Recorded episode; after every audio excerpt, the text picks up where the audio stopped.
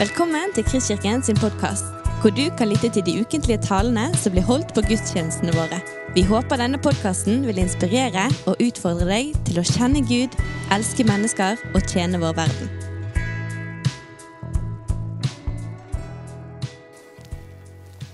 La oss begynne med å be. Kjære Jesus, vi takker deg at du har gitt oss ditt ord. Vi takker deg at ditt ord er sant, ditt ord er godt. Ditt ord er til oppbyggelse for ånd og sjel og kropp. Nå ber vi at du må gi meg den nåde og den åndsfylde, sånn at jeg kan forkynne sant og rett. Jeg ber at vi skal få din åpenbaring over ordet, slik at vi kan gå styrket inn i denne sommeren. Jeg ber om det i ditt navn, Jesus Kristus.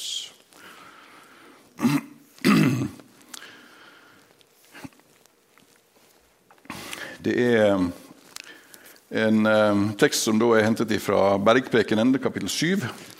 Og jeg tenkte at det var greit at vi kunne bare ta og se litt på konteksten. Fordi at eh, det er jo eh, det siste kapittelet i Bergprekenen. Og Jesus har forkynt om ting som de som hørte på, sannsynligvis aldri hadde hørt før. Og de hadde iallfall ikke hørt det forkynt på den måten som Jesus gjorde. Når vi kom til slutten av kapittelet, så står det at eh, de som hørte på, de var forundret fordi han forkynte med autoritet, og ikke sånn som de skriftlærde. Så Det begynner jo da med noen advarsler om ikke å dømme og eh, ikke kaste perler for svin. Og så kommer det et løfte, et tredobbelt løfte. At vi kan be, vi kan lete og vi kan banke på. Uh, ja, jeg bare si, uh, si, en liten ting uh, sånn innledningsvis. en av de tingene som jeg tenkte når jeg forberedte her, det var at vi må ha mest mulig av Guds eget ord. og Derfor er det slik at på de aller fleste av disse slidene som dere ser, så er det øverst oppe på, på skjermen da, et bibelsitat. Og det er hentet fra de kapitlene som vi leser fra når vi leser fra Skriften. Men jeg kommer ikke til å lese de, sånn at og det er fordi at Når dere sitter og hører, så kan dere høre mye raskere enn dere kan snakke. Så dere har alltid ekstra kapasitet til å få med dere ting som eh, står der. Men eh, så kommer det to eh, advarsler etter den gylne regelen. og En av de advarslene det er advarsel mot falske profeter. Det andre det er advarsel mot folk som gir seg ut for å være troende, men som i sannhet ikke er det. Eh, og Så kommer da den lignelsen om å bygge på fjell. Og jeg tror det skal bli ganske klart i løpet av denne lille halvtimen at det fjellet som vi kan bygge på, det er Guds ord.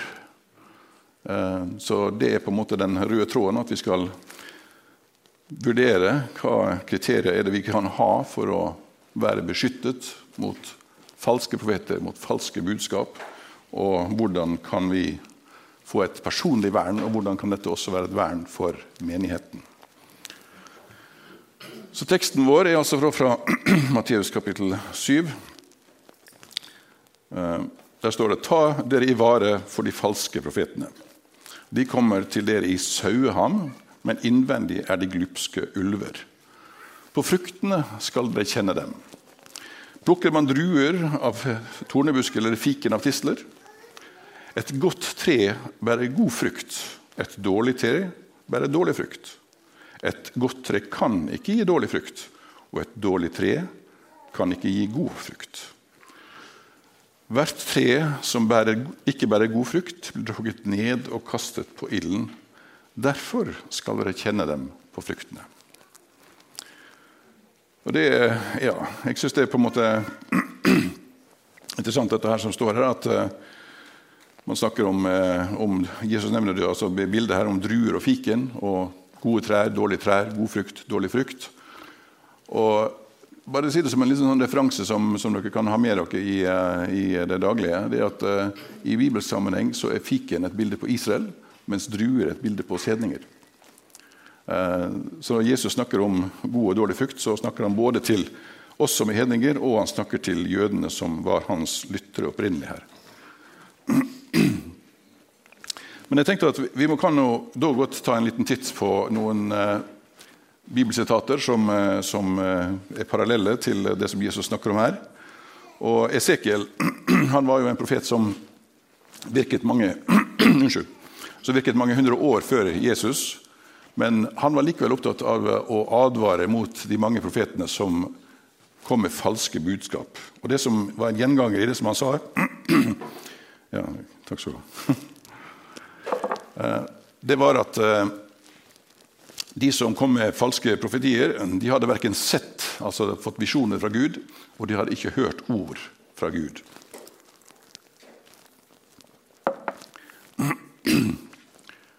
Og Da eh, sier han i kapittel 13.: Herrens ord kom til meg, menneske, tal profeter mot Israels profeter, som driver og profeterer. Si til dem som profeterer ut fra sitt eget hjerte. Hør Herrens ord, så sier Herren Gud, ved de tåpelige profetene, de som følger sitt eget sinn og ikke har sett noe som helst. Det er sånn klar tale, ikke sant? Hvor er kilden for profetiene? Det er ganske viktig. Kommer det fra det indre av vårt eget, eller kommer det fra den levende, sanne Gud? Og Han eh, sier da videre synene deres er tomme, og spådommene er løgn. De sier 'Herren sier', enda Herren ikke har sendt dem. Og Likevel venter de at han skal la, la ordet slå til. Er det ikke tomme syner dere kommer med, og løgnaktige spådommer dere uttaler når dere sier 'Herren sier', enda jeg ikke har talt? Det er en veldig sånn klar beskrivelse av hvordan de som på en måte er bevisste profeter, som ønsker å villede, hvordan de opererer. Uh, og det er riktig altså, Det var en beskrivelse av samtiden til Esekiel, men det er også en beskrivelse av virkeligheten som vi lever i i dag. For Det som Jesus sier i, i den eh, teksten som vi leste, det er at de kommer som ulver, altså glupske ulver, men de har kledd seg ut i saueham. Dvs. Si at de kommer som om de er lam eller sauer, men på innsiden så har de en motivasjon om at de skal få utnyttet menneskene som de møter. Og hvis dere, ja, hvis dere skal sjekke Esekiel nærmere, så kan dere godt merke dere i Esekiel kapittel 13 og kapittel 34. Eh, men når vi går til Det nye testamentet, så ser vi at Peter han har et helt kapittel i sitt andre brev. Kapittel, hele kapittel 2 handler om falske profeter og hvordan vi som troende bør være både bevisste på, men også være klar over at det er farer som ja, jeg tror er relevante også den dag i dag. Eh, Peter skriver men det fantes også falske profeter i folket, og på samme måte skal det stå fram falske lærere blant dere. De skal lure inn vranglære som fører i fortapelsen, og til og med fornekte den Herre som har kjøpt dem fri. Dermed fører de raskt seg selv i fortapelsen. Mange kommer til å følge dem i utskeielsen deres, og pga. dem vil sannhetens vei bli spottet. De er grådige og farer med dikt og bedrag for å slå mynt på dere. Eh, jeg har lyst til å bare fortelle en, en, en, altså fra en, virkelighet i vårt eget land, uh, i en menighet her i Norge. Så uh, var det det som jeg vil, jeg vil iallfall, og jeg i tolker som en, en profetinne som, som, ikke hadde alt på den rette siden av godt og vondt.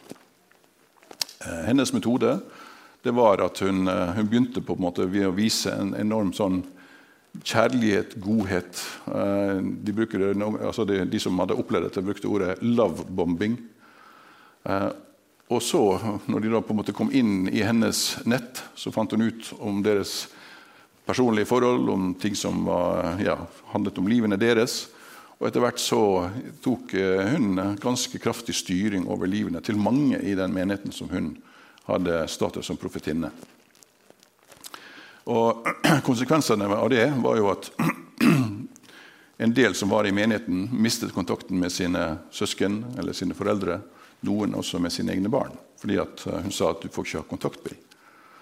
Og Det var jo en personlig belastning for mange i denne menigheten, og for mange utenfor også, som ikke fikk kontakt med, med de som de hadde i nær familie. Og Noen ganger så gikk det jo dit hen at de som var i menigheten der, de ønsket å bryte ut. Og det som Da skjedde da, var at da ble de tatt eh, framfor hele forsamlingen og ble offentlig fornedret. Og på en måte da satt på plass for å være kjetteriske eller for å være oppviglere og ikke lytte til Guds stemme.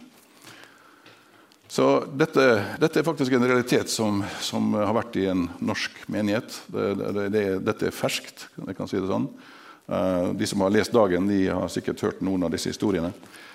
Men det samsvarer akkurat med det som Paulus sier, at de ønsker å slå mynt på dere, og de driver med dikt og bedrag. De sier at de snakker på vegne av Gud, men de gjør det for å utøve makt. Eh, og de gjør det for sitt, sin egen tilfredsstillelse. De gjør det for sin egen ja, altså, det, det har helt sikkert startet med, det, med gode motiver, men når du blir værende i dette her, og Gud ikke får komme til deg med sin nåde, og du ydmyker deg for Gud, så blir du til slutt så systematisk inn i dette her at du kommer ikke ut av det engang. Så la oss eh, lese videre fra 2. Peters brev. Disse menneskene er kilder uten vann og tåkedotter som virvler vinden. Dyp, det dypeste mørket har de i vente, for de bruker store ord om tomme ting. Om med utskeielse og lyster som kommer fra vårt kjøtt og blod, lokker de dem som nettopp har stoltsuppet bort fra slike som går på ville veier. Frihet lover de, men de selv er slaver av forfallet. Ja, jeg kjenner, jeg kjenner ei, eh, ei, dame som er på min alder, som på 90-tallet fikk eh, kontakt med en som sa han var profet. Han var veldig karismatisk, han var eh, veldig treffsikker på det han sa til henne når han begynte å kommunisere med henne.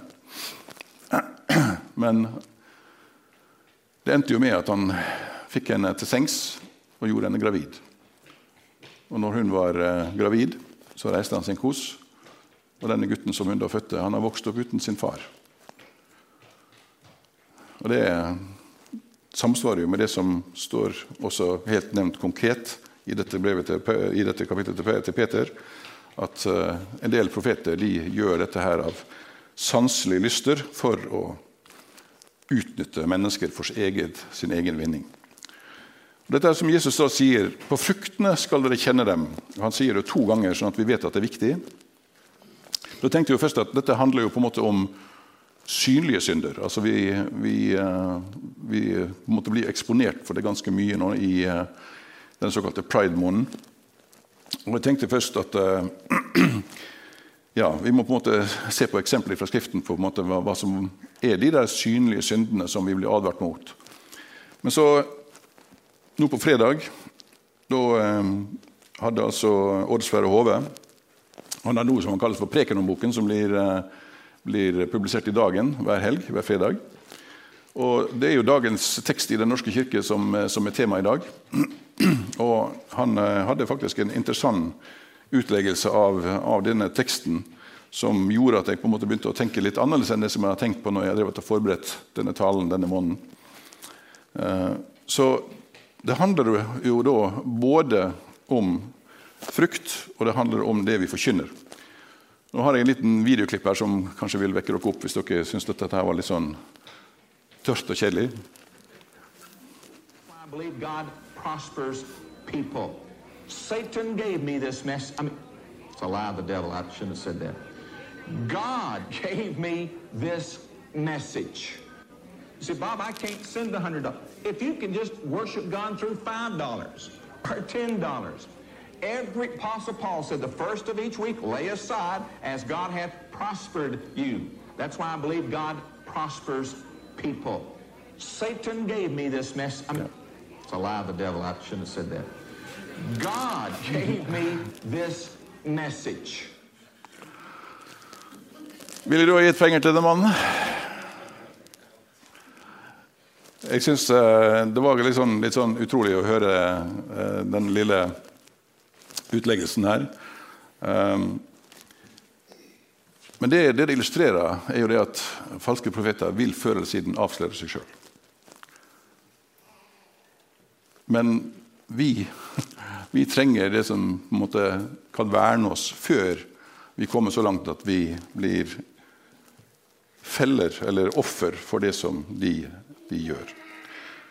Um, Så Det som, eh, som eh, Odd Sverre Hove skriver, det er at eh, både i vers 16 a og vers 20 gir Herren oss dette læretoktkriteriet fruktene.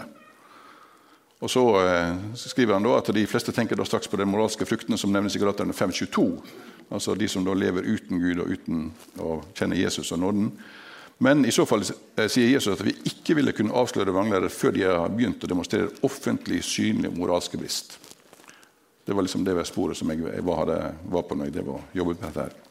I så fall gir Jesus et nokså sent vranglærekriterium. Trolig bør vi heller belyse fruktbegrepet ut fra fruktlignelsen i vers 16-19 i vår tekst og ut fra kriteriene i de andre læretoktekstene. Hele Guds råd, Den gode hyrdes røst, Jesu Kristi evangelium og Den sunne lære. De to første er jo da Jesus som, som har kommet med, og de to siste er det Paulus som har kommet med. Så Falske profeter skal da kjennes på forkynnelsesfruktene sine. Og Jesus utdyper dette kriteriet med å bruke det første bildet. Sanker en vel druer av tornebusker eller fiken av tistler.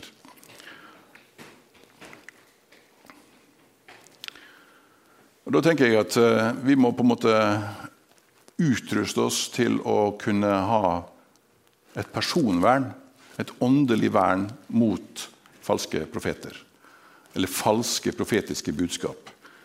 Eh, og det, Da syns jeg dette her eh, som, eh, som, jeg har siterer her da. Jeg takker Ham som gjorde meg sterk, Kristus Jesus, vår Herre, for at Han viste meg tillit og satte meg til tjenesten, jeg som tidligere spottet, forfulgte og brukte vold. Men han var barmhjertig mot meg, for i min vantro visste jeg ikke hva jeg gjorde. Og, når, og Vår Herres nåde har vært overstrømmende rik og har gitt meg tro og kjærlighet i Kristus Jesus. Det er et troverdig ord og vel verdt å ta imot at Kristus kom til verden for å frelse syndere, og blant dem er jeg den største. Dette skrev Paulus til sin bror Timoteus, eller sin disippel. Eh, og det er faktisk eh, to vers i Timoteus brev som, eh, som er, er, veldig sånn relevante i forhold til dette med lære. Det første er i uh, 1. Tim 2.2. Det handler om å ta imot budskapet og gi det videre til de som er i stand til å lære det på en slik måte at de kan gi det videre igjen. Og Det andre det er jo det som, eh, det som P. Paulus sier her, at det handler om nåden i Kristus Jesus. At den må få komme inn og gjøre en forandring i vår identitet. For Det handler ikke om at vi skal kunne leve ut våre lyster, men det handler om at vi må være bevisste på at i Kristus Jesus så er vi en ny skapning. Vi har fått et nytt liv. Vi har fått en ny hensikt. Vi har fått en ny virkelighet å forholde oss til. Nemlig at Gud er til stede og har tatt bolig i oss med sin hellige ånd, og at han ønsker å virke i oss med sin ånd. Og Da tenker jeg at det er iallfall fire, fire konkrete ting som vi kan trekke ut av det som Paulus sier, og det som Skriften på en måte formidler som en rød tråd. Hva er det som på en måte er startpunktet i forholdet til å kunne dyrke Gud som en sann Gud, og dyrke Han i ånd og sannhet? Det begynner med at vi ydmyker oss for Gud. Både Jakob og Peter siterer Salamo, som skriver at Gud står de stolte imot, men de ydmyke gir han nåde. Og Da er det jo en interessant referanse til, til det som da er tema for alle medier, alle sekulære medier, om, uh, i denne måneden, pride-måneden. Pride. Hvorfor bruker de ikke ordet stolthet? Det er jo det det betyr. Og hva er det de er stolte over? Jo, det er en offentlig på en måte, anskueliggjøring av at mennesker er stolte over å gjøre det Guds ord sier vi som mennesker ikke burde gjøre fordi det har evighetskonsekvenser. Og Da er jo da utfordringen for oss, like som det er for alle mennesker, at vi trenger å bøye oss for Guds ord. Paulus skriver jo her i dette brevet til Timoteus, andre brevet til Timoteus hver bok i Skriften er innblåst av Gud og nytte til opplæring, til rettevisning, veiledning og oppdragelse i rettferd. Så det mennesker som tilhører Gud, kan være fullt utrustet til all god gjerning. Og alle disse si, fire ordene som her brukes, opplæring, tilrettevisning, veiledning og oppdragelse i rettferd, de er positivt ladede ord. Det er, ikke, det, er ikke, det er ikke, sånn at disse ordene gir oss rettigheter til måte å gå til mennesker og så dømme dem. Det gir oss ikke anledning til å, å bringe framfor andre ting som vi ser og tror handler om deres livsførsel, og si at du vil havne i helvete hvis ikke du vender om. Men det handler om at vi må være fylt av Guds ånd og fylt av Guds kjærlighet, slik at når vi blir kalt av Gud til å tale til et menneske for at de også skal få møte nåden, for at de også skal få vende om, for at de også skal få en ny identitet, så må vi være der når Gud har timet det. Da må vi være der og være beredt for å gi de ordene og den kjærligheten som Gud ønsker vi skal gi. For det er det som er gode gjerninger. Gode gjerninger kan vi som mennesker gjøre, ja. Altså Jesus sier jo i, i, i, i bergprekenen altså mennesker som, som, er onde, kan gjøre gode ting for seg, seg og sine barn. Det er ikke noe som, som skiller oss fra ikke-troen i så måte. Men Gud, som er vår far, han gir gode gaver. Både til den som ber, til den som leter, og til den som banker på. Men det gode, det gode i Guds målestokk, det det som Han kan gjøre gjennom oss. Og Da forutsetter det at vi er lydhøre, at vi er åpne for Hans ord. Og Johannes Klepp har skrevet en veldig interessant artikkel som var publisert i Dagen denne uken òg. Det handler jo om at troen kommer av budskapet som vi hører. Og som det sto på den første, første sliden, budskapet kommer av Kristi ord. Og Derfor så, så er det å det å høre Guds ord bli forkynt, det er faktisk en del av det å være en aktiv kristen. Fordi vi trenger å bli styrket av ordet. Vi trenger å få lagt ut Guds ord på en slik måte at vi ser at det er relevant for oss. Vi trenger å forstå hvordan de tingene som Jesus sa, handler om det livet vi lever nå. Og hvordan det som ble sagt mange hundre år før Jesus, hvordan det er relevant i dag.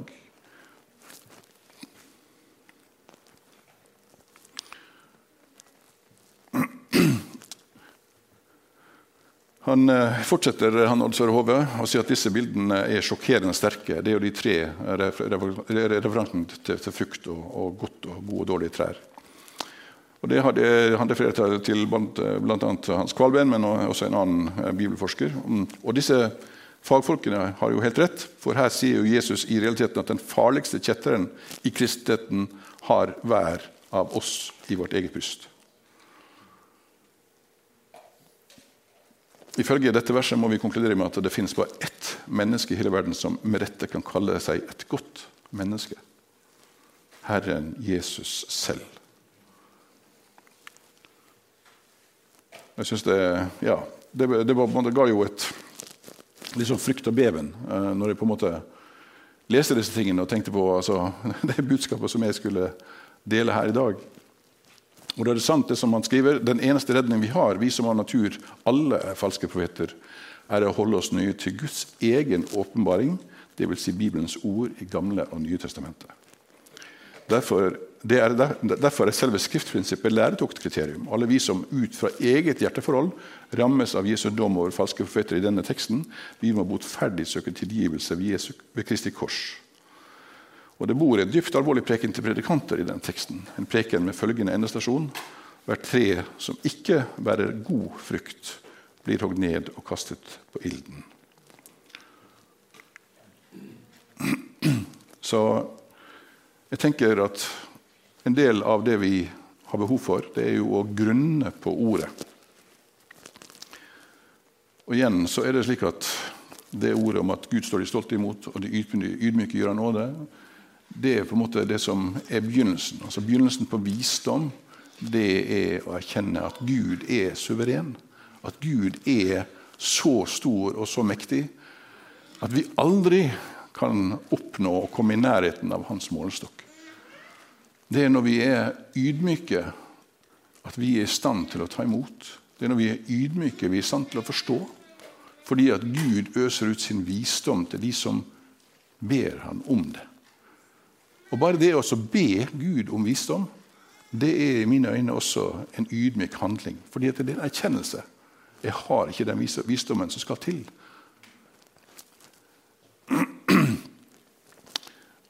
Og når Gud, når Gud fyller oss med sin ånd og gir oss denne åpenbaringen over ordet, så er det da vi får denne fulle utrustningen.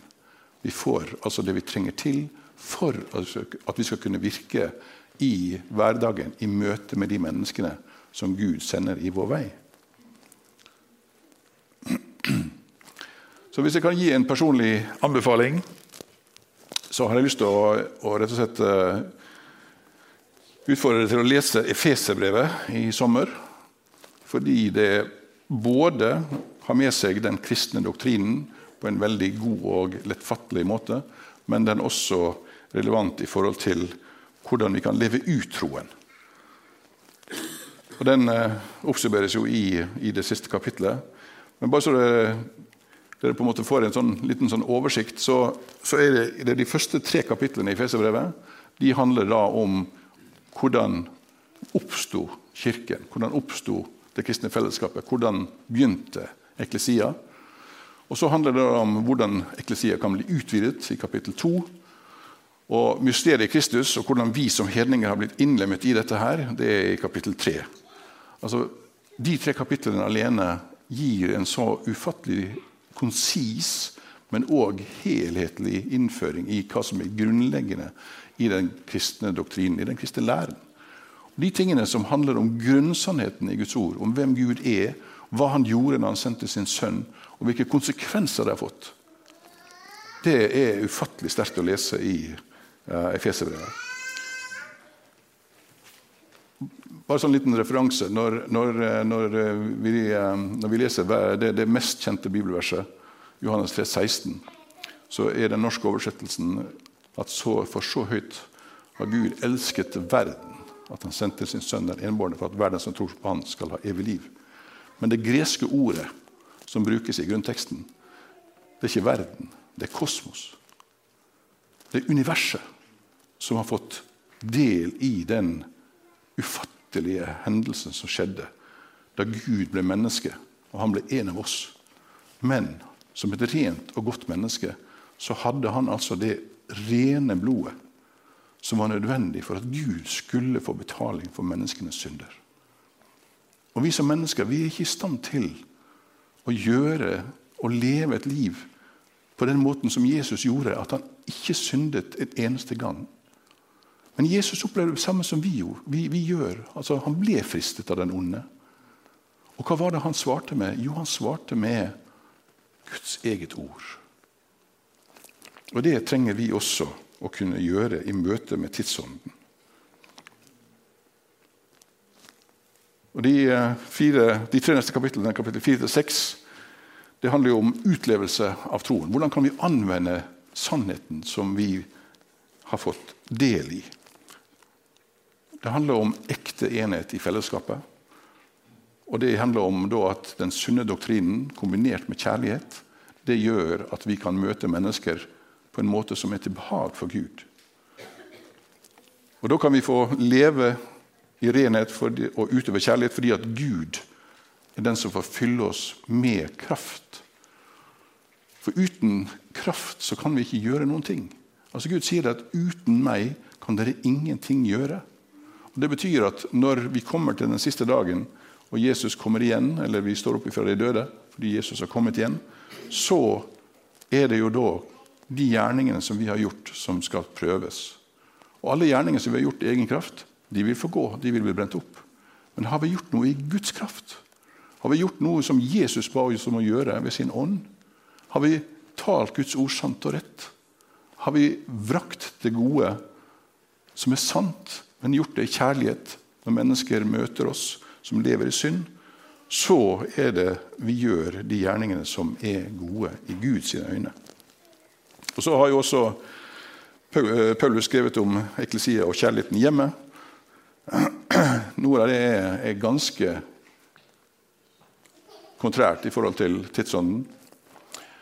Men det kan jeg jo jeg kan bare si det som en liten sånn referanse. Altså, når, Jesus, når Paulus snakker om, eh, om, kjærlighet i hjemmet, kjærlighet mellom ektefeller og kjærlighet mellom foreldre og barn, så kan jeg si det sånn at vi har en tid der det er mye kjønnsforvirring.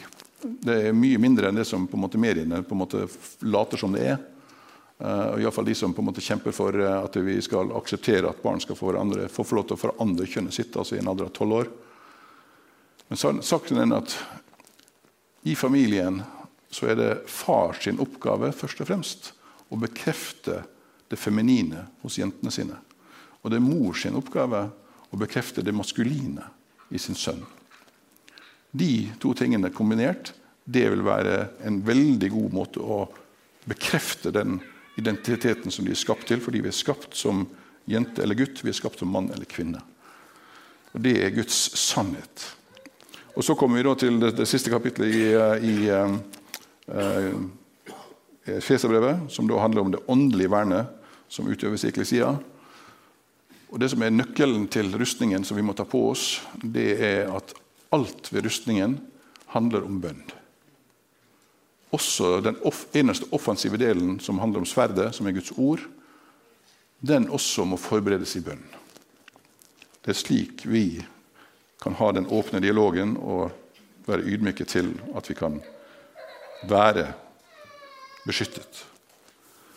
Og det siste punktet jeg har lyst til å ta med, det handler jo, det handler om eh, ja, en trosbekjennelse som ble laget, skrevet på 500-tallet. Den er skrevet 200 år før den trosbekjennelsen som vi vanligvis bruker. Eh, der vi har Fader, Sønn og Hellig Ånd eh, i tre deler. Eh, og jeg syns at eh, denne trosbekjennelsen, som inneholder 40 lærepunkter, at den er veldig ideell i forhold til det som vi eh, snakker om i dag, nemlig at vi trenger å bli bevisstgjort på hva den kristne lære faktisk handler om, og hvilke konsekvenser det har for oss å ta imot den, men også at den i sum kan bidra til at vi forstår hvor stor Gud er, at vi verdsetter og respekterer Hans ord. Og Samtidig så gir denne atanasianske trosbekjennelsen utrolig mye utfordring for tanken. Den, den, den kan du, altså, De som ønsker det, så har jeg skrevet den ut på, på, papir. Det ligger bak på det lille bordet der, så de som ønsker det, kan ta med seg eh, på en, en analog versjon. Men jeg eh, tenkte at vi kunne avslutte denne gudstjenesten med at vi rett og slett reiser oss, og så proklamerer vi denne trosbekjennelsen. Den eh, tar noen minutter å komme gjennom, men jeg tenker at den summerer opp det som på en måte er hovedbudskapet vårt her i dag. Kan dere se det som står her? Skal jeg flytte meg, kanskje, så vi ser den eh, største skjermen? Så den, Her proklamerer vi både hva vi tror på og ikke tror, med hensyn til Gud som far, Jesus som sønn og Den hellige ånd. Da proklamerer vi Enhver som vil bli salig, må framfor alle ting holde fast på den felles kristne tro. Enhver som ikke bevarer denne hel og uforfalsket, vil uten tvil gå evig fortapt. Og dette er den felles kristne tro, at vi ærer én Gud i treenigheten og treenigheten i enheten idet vi verken blander sammen personene eller deler vesenet. For én person er Faderens, en annen er Sønnens, en annen Den hellige ånds. Men Faderens og Sønnens og Den hellige ånds guddom er én.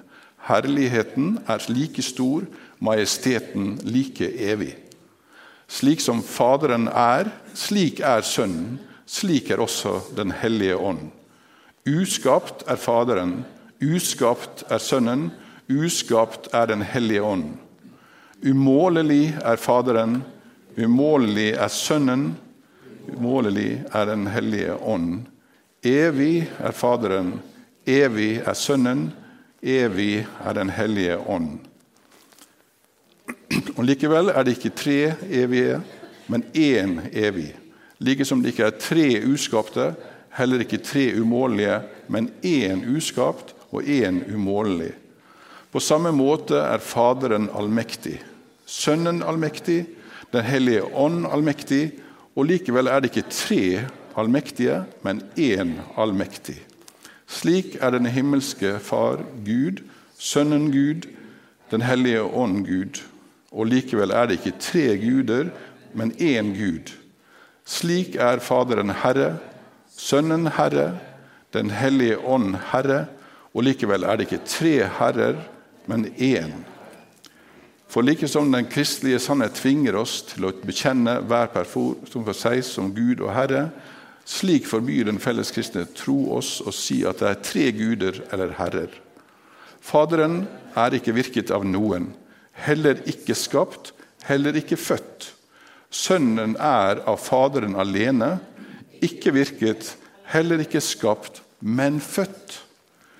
Den hellige ånd er av Faderen og Sønnen, ikke virket, heller ikke skapt, heller ikke født, men han går ut fra dem. Altså en far, ikke fedre, fedre. En sønn, ikke tre sønner. En hellig ånd, ikke tre hellige ånder.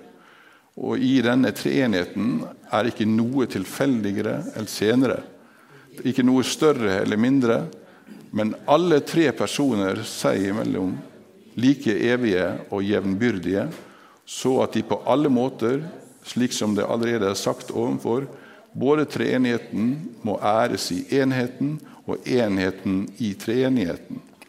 Den som altså vil bli salig, må tenke slik om treenigheten. Men til evig salighet er det nødvendig at han tror ærlig at vår Herre Jesus Kristus ble menneske. Det er altså den rette tro, at vi tror og bekjenner at, Jesus, at vår Herre Jesus Kristus, Guds sønn, er Gud og menneske. Han er Gud av Faderens vesen, født før alle tider, og han er menneske av sin mors vesen. Født i tiden, fullkommen Gud, fullkomment menneske, bestående av fornuftig sjel og menneskelig kjød, lik med Faderen etter sin guddom, ringere enn Faderen etter sin manndom. Men enda han er Gud og menneske, er han likevel ikke to, men én Kristus. Én, ikke ved forandring av guddommen, til kjød, men ved manndommens opptakelse i Gud. I hele én, ikke ved en sammenblanding av vesen, men ved personens enhet. For like som den fornuftige sjel og kjødet er ett menneske, Således er Gud og mennesket én i Kristus.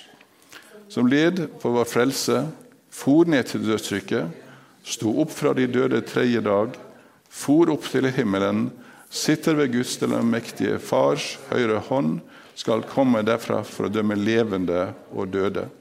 Og når han kommer, må alle mennesker stå opp igjen med sine legemer og gjøre regnskap for sine gjerninger. Og de som har gjort godt, skal gå inn til den evige liv, og de som har gjort ondt, til den evige ild. Dette er den felleskristne tro. Den som ikke oppriktig og fast har denne tro, kan ikke bli salig. Amen. Du har lyttet til en podkast fra Kristkirken i Bergen. Vi håper du har blitt inspirert og utfordret i din vandring med Gud. Vil du vite mer om oss, så klikk deg inn på kristkirken.no.